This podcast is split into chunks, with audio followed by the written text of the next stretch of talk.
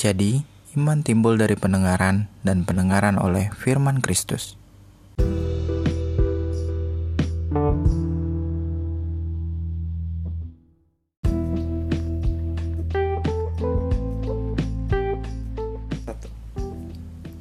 Hari ini saya mendapatkan perenungan yang menarik akan sebuah firman Tuhan yang sudah sangat sering kita dengar, yaitu perumpamaan tentang dua macam dasar. Perumpamaan ini adalah pengajaran yang Yesus berikan sesuai yang tercatat dalam Matius 7 ayat 24 sampai 27. Setiap orang yang mendengar perkataanku ini dan melakukannya, ia sama dengan orang yang bijaksana yang mendirikan rumahnya di atas batu Kemudian turunlah hujan dan datanglah banjir. Lalu angin melanda rumah itu, tetapi rumah itu tidak rubuh sebab didirikan di atas batu. Tetapi setiap orang yang mendengar perkataanku ini dan tidak melakukannya, ia sama dengan orang yang bodoh yang mendirikan rumahnya di atas pasir. Kemudian turunlah hujan dan datanglah banjir. Lalu angin melanda rumah itu, sehingga rubuhlah rumah itu dan hebatlah kerusakannya. Berkali-kali ketika saya mendengar atau membaca akan perumpamaan ini, yang saya pikirkan adalah perbedaan antara orang yang taat melakukan kehendak Tuhan dan orang yang tidak taat melakukan kehendak Tuhan.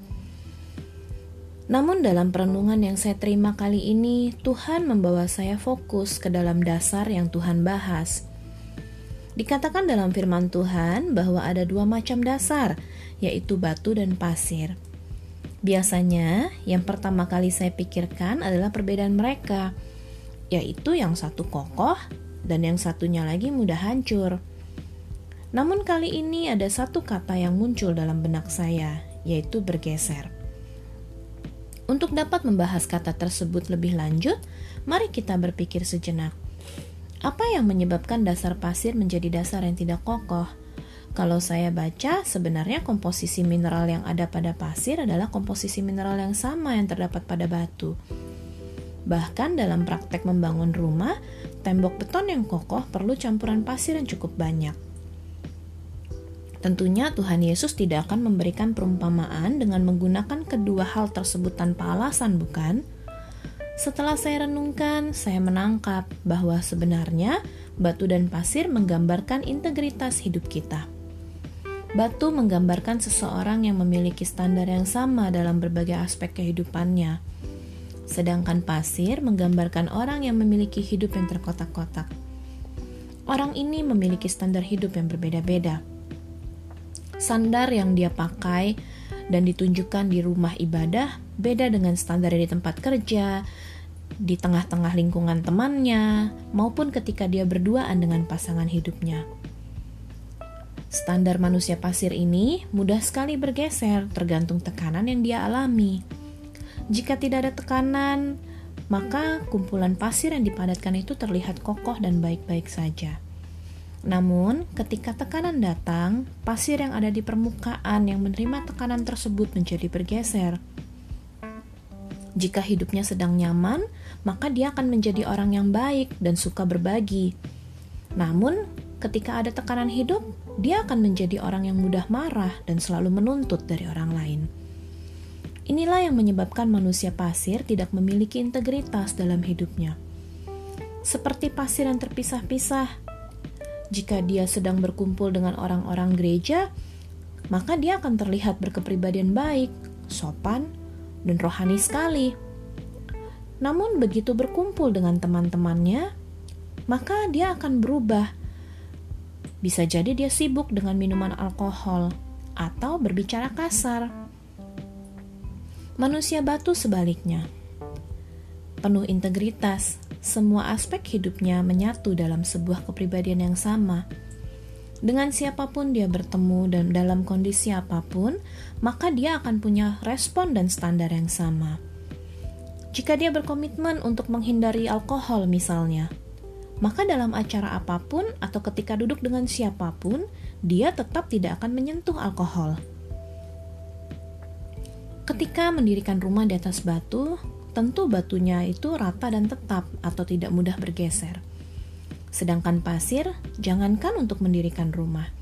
Ketika kita berjalan di atas pasir, sulit bagi kita untuk berjalan dengan lurus karena pasir yang kita injak itu bergeser ketika kita injak.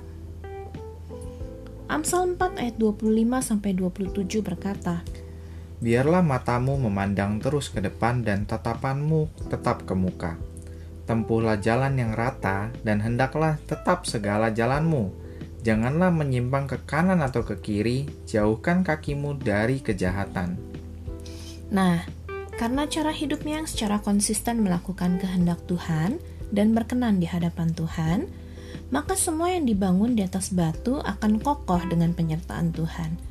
Inilah mengapa Yesus berkata dalam Matius 7 ayat 21.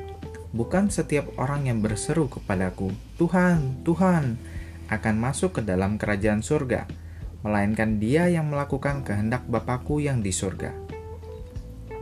Manusia pasir juga berseru kepada Tuhan ketika dia ada di lingkungan gereja sama seperti manusia batu. Tapi di luar komunitas gereja, maka kehendak dan kenyamanan pribadinya lah yang akan menjadi prioritas. Manusia pasir dengan praktek double standar dalam hidupnya sebenarnya dapat dikategorikan sebagai pendusta. Amsal 12 ayat 22 berkata, Orang yang dusta bibirnya adalah kekejian bagi Tuhan, tetapi orang yang berlaku setia dikenannya. Rasul Paulus mengajarkan kita dalam Titus 2 ayat 7 sampai 8. Dan jadikanlah dirimu sendiri suatu teladan dalam berbuat baik. Hendaklah engkau jujur dan bersungguh-sungguh dalam pengajaranmu, sehat dan tidak bercela dalam pemberitaanmu, sehingga lawan menjadi malu, karena tidak ada hal-hal buruk yang dapat mereka sebarkan tentang kita Ketika kita dapat menjadi manusia yang penuh integritas seperti dasar batu, maka seharusnya tidak ada celah dalam segala aspek hidup kita, dan tidak ada hal-hal buruk yang dapat dipergunakan untuk melawan kita. Inilah tantangan bagi para pengikut Kristus. Makanya, sering kita mendengar bahwa orang Kristen banyak kali menjadi batu sandungan ketika berada di luar gedung gereja. Bagi manusia pasir, masih ada kesempatan kok jika kita benar-benar mau berubah, kita harus berkomitmen untuk mau keluar dari kempulan pasir. Pasir yang bercampur dengan batu, air, dan semen bisa menghasilkan campuran beton yang sangat kokoh. Di mana batu adalah orang-orang yang penuh integritas, air adalah Kristus, dan semen adalah Roh Kudus yang menguatkan semuanya dalam satu tubuh, yaitu tubuh Kristus. Rasul Paulus dalam 1 Korintus 12 ayat 13 berkata, Sebab di dalam satu roh kita semua, baik orang Yahudi maupun orang Yunani, baik budak maupun orang merdeka, telah dibaptis menjadi satu tubuh dan kita semua diberi minum dari satu roh. Semoga perenungan yang Tuhan beri kepada saya kali ini bisa menjadi inspirasi bagi teman-teman sekalian. Mari kita sama-sama ambil sebuah langkah komitmen untuk semakin hari semakin menjadi pribadi yang serupa dengan Kristus.